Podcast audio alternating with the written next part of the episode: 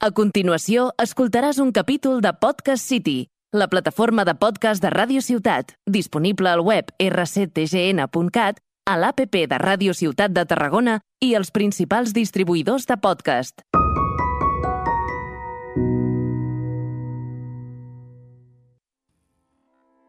Qué raro sentirse sola rodeada de gente. Porque solo te busco a ti.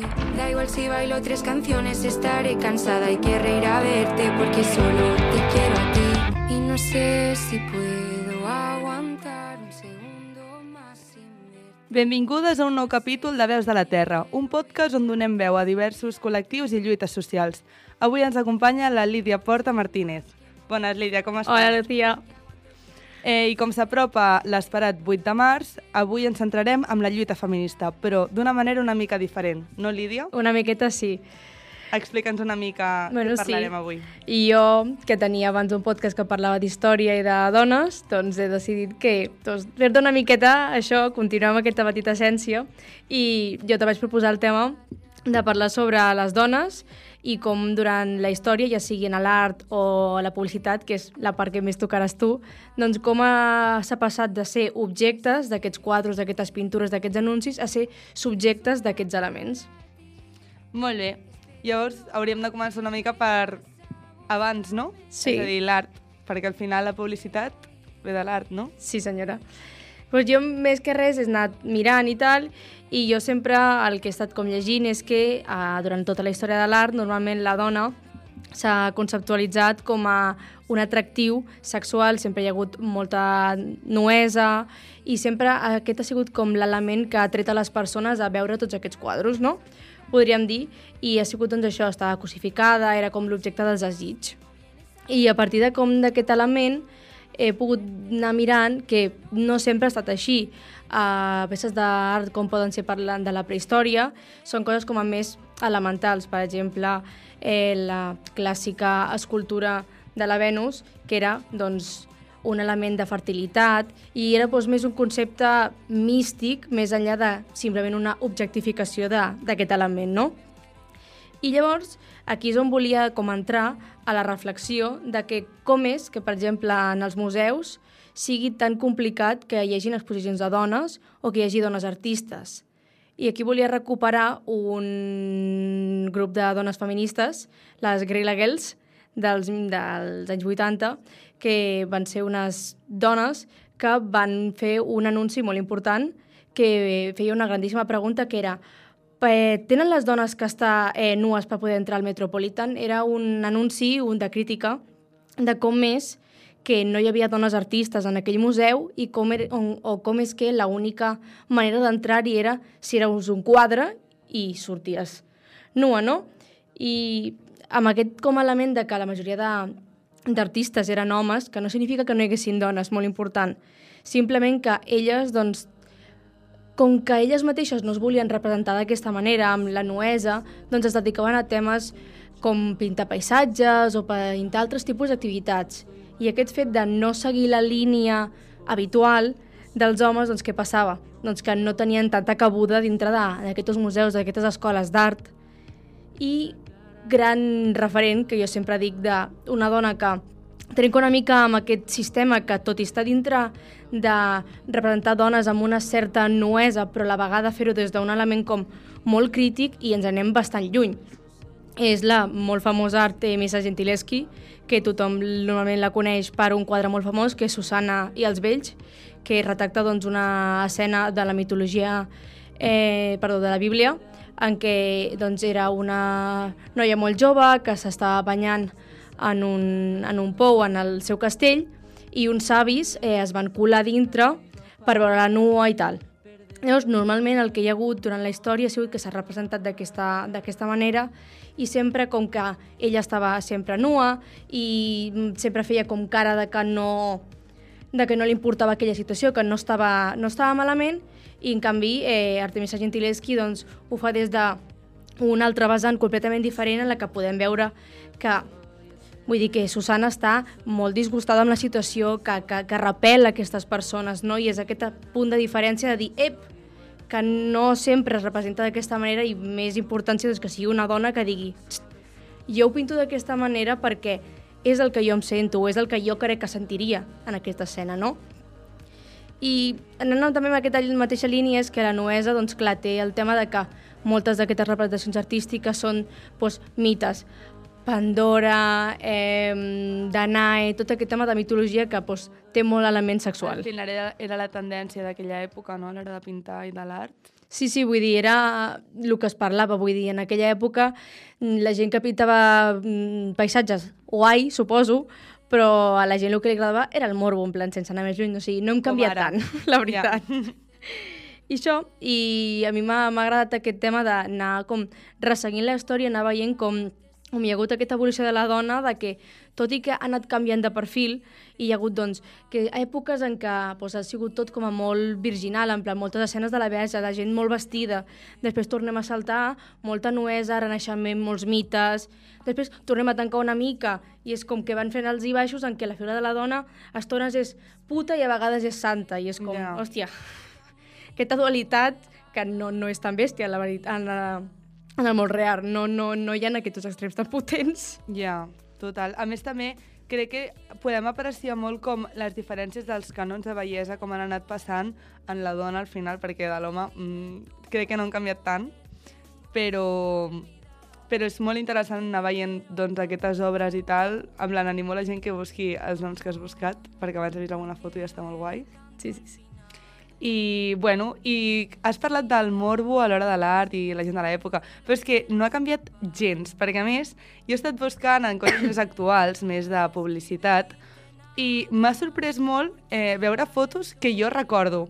Tipo, tinc 19 anys i jo recordo haver vist fotos molt morboses, com per exemple, tenim aquesta que veureu ara, que, vale, és aquesta. Ok. Eh, això, el Burger King, una cadena, bueno, eh, de menjar ràpid i tal, però és que, és, o sigui, jo l'associo molt a nens. Mm -hmm. Jo veig el Burger King i veig pues, eh, nens agafant un Happy Meal o el que sigui que agafen. Fer aquest anunci, a mi, em, em, no sé, a part que m'ofèn moltíssim com a dona, ho trobo que és com molt, molt morbós, com perquè inclús ara mateix un nen ho podria entendre amb tot l'accés que tenen al porno i tal. No, i a més a més el tema de que, sense anar més lluny, sí que està en anglès, però ara tots tenim un gran coneixement de l'anglès. Però encara que no ho entenguis. La, la imatge és la que image. Sí. el que és. Després també tenim aquest altre. A veure. Tu aquesta la recordes? Hòstia, No et sona? Pot ser que sí, però, o sigui, és una cosa bastant graciosa, t'he de dir, que jo, estudiant periodisme i aquest món de les audiovisuals, podem dir, no he sigut mai com a... No, no me fixava gaire en el seu moment en anuncis de la tele i Però el coses. tenia com, va tenir com un boom del Mediamarkt, jo no soy tonto. Sí, això tonto sí. no, però machista un rato, Bueno, a saps? I és molt fort. O, o sigui, la frase per la gent que està escoltant és veràs les mejores delanteras del mundo i surten dos noies eh, que entren dins dels canons de bellesa i estereotipadament del patriarcal, etc, etc. I estan allà, pues, mm, com animant, com dient agafes la nostra tele que així el futbol, bueno, potser sí que el veus, però és que a més veuràs tan bé que veuràs les delanteres, que és com, de veritat, és lo important. Però no només això, sinó que el Mediamarkt no ens deixa de, sor de sorprendre amb aquest altre anunci Hi ha una altra, una, una empresa a la qual crec que no et contactaran com a publicista, eh, Lucía? que... Eh, sí. Ah, bueno. Doncs no tenim un altre anunci perquè és que ja hem vist prou. no passa res, no passa res. suficient. Però hi ha un altre anunci que és el d'Escric, que és d'unes una dona amb les cames obertes i es veuen els homes des de baix com miren cap amunt i diuen un año calentando el ambiente. També, Mediamarkt. O sigui, no pots fer un anunci que no sigui literalment masclista. Mira, aquí la tenim. El que deia jo, en plan, crec que, Lucía, no et contactarà el Mediamar de, No, de, publicista, de publicista, no. no. eh? Tampoc estic estudiant publicitat, però si estudies publicitat eh, ens ha servit... O sigui, amb això veiem una mica que és que realment és molt greu com canviem... O sigui, no hem canviat gens. En tot, en plan, ens segueix agradant el, el morbo, el, mas, el masclisme... I ara jo crec que cada cop hi ha més lleis i tal que ho, ho, ho frenen una mica, però mm, jo crec que encara, tipus, d'aquí uns, uns anys veurem com hi ha anuncis d'ara que són superpolèmics. No, no, sí, sí, vull dir, jo així també com pensant i com tirant cap enrere la memòria, jo sempre dic que crec que un dels, podríem dir, elements de publicitat que jo, des del meu punt de vista, eh, sempre, com tinc com a més consciència de que són d'aquest pal, sempre són els anuncis de colònies. Els anuncis Sí. de colònies són la cosa més xunga que te pots tirar a la cara. Perquè jo ho penso i és que no, no puc com recordar cap en què no hi hagi algun element que m'a- m'aixoqui. I sexualitza la dona. Però des de la colònia Invictus d'home, que la versió femenina és la d'Olimpea i tens eh, a una senyora, mm, o sigui, us- coses d'això, o mm, la, ara no sé quina altra és, que és la idol, que són eh, una, una massa de dones sortint d'un mm, bany d'aigua totes mullades, no sé què, que és com... Però a més, les, la, les colònies a mi també em fa gràcia perquè jo vaig veure com molt, molta diferència durant una època que era com, vale, està sexualitzant a la dona, molt bé. pues, ens queixem de que no volem que ens sexualitzin i el que fan és sexualitzar també l'home Per dir, perquè així ja està, igual. igualtat. Eh, no, la, la idea és no sexualitzar, a, a ser possible. Ja, però jo, jo personalment penso que costarà molt. Que és una cosa que jo crec que acabarà passant, o sigui, que deixarem de tenir anuncis on la base sigui sexualitzar a la persona que hi hagi, però crec que costarà molt i que està costant molt. Hmm. Sobretot això amb, els, amb les colònies. Perquè al final els detergents anem aconseguint a poc a poc que no només siguin dones les protagonistes, però jo crec que en colònies costarà més. Sí, però aquí podríem en- entrar a lo de sempre, de que sempre hi ha els anuncis, les joguines, tot sempre com molt en aquesta línia de pues, què hi havia en, les, eh, en els catàlegs de joguines no fa tants anys? Sempre que hi havia una fragona, una cuineta o anar a comprar, eren, només hi havia nenes. I després ja, ara s'ha començat a canviar la cosa, ja comencen a sortir nens passant l'aspiradora de, de joguet i aquestes coses, però és com que sembla que s'estan donant passes, però encara s'arrastren coses, sí. és el que tu comentes. Però bueno, i per acabar, però no acabem, et portem un joc.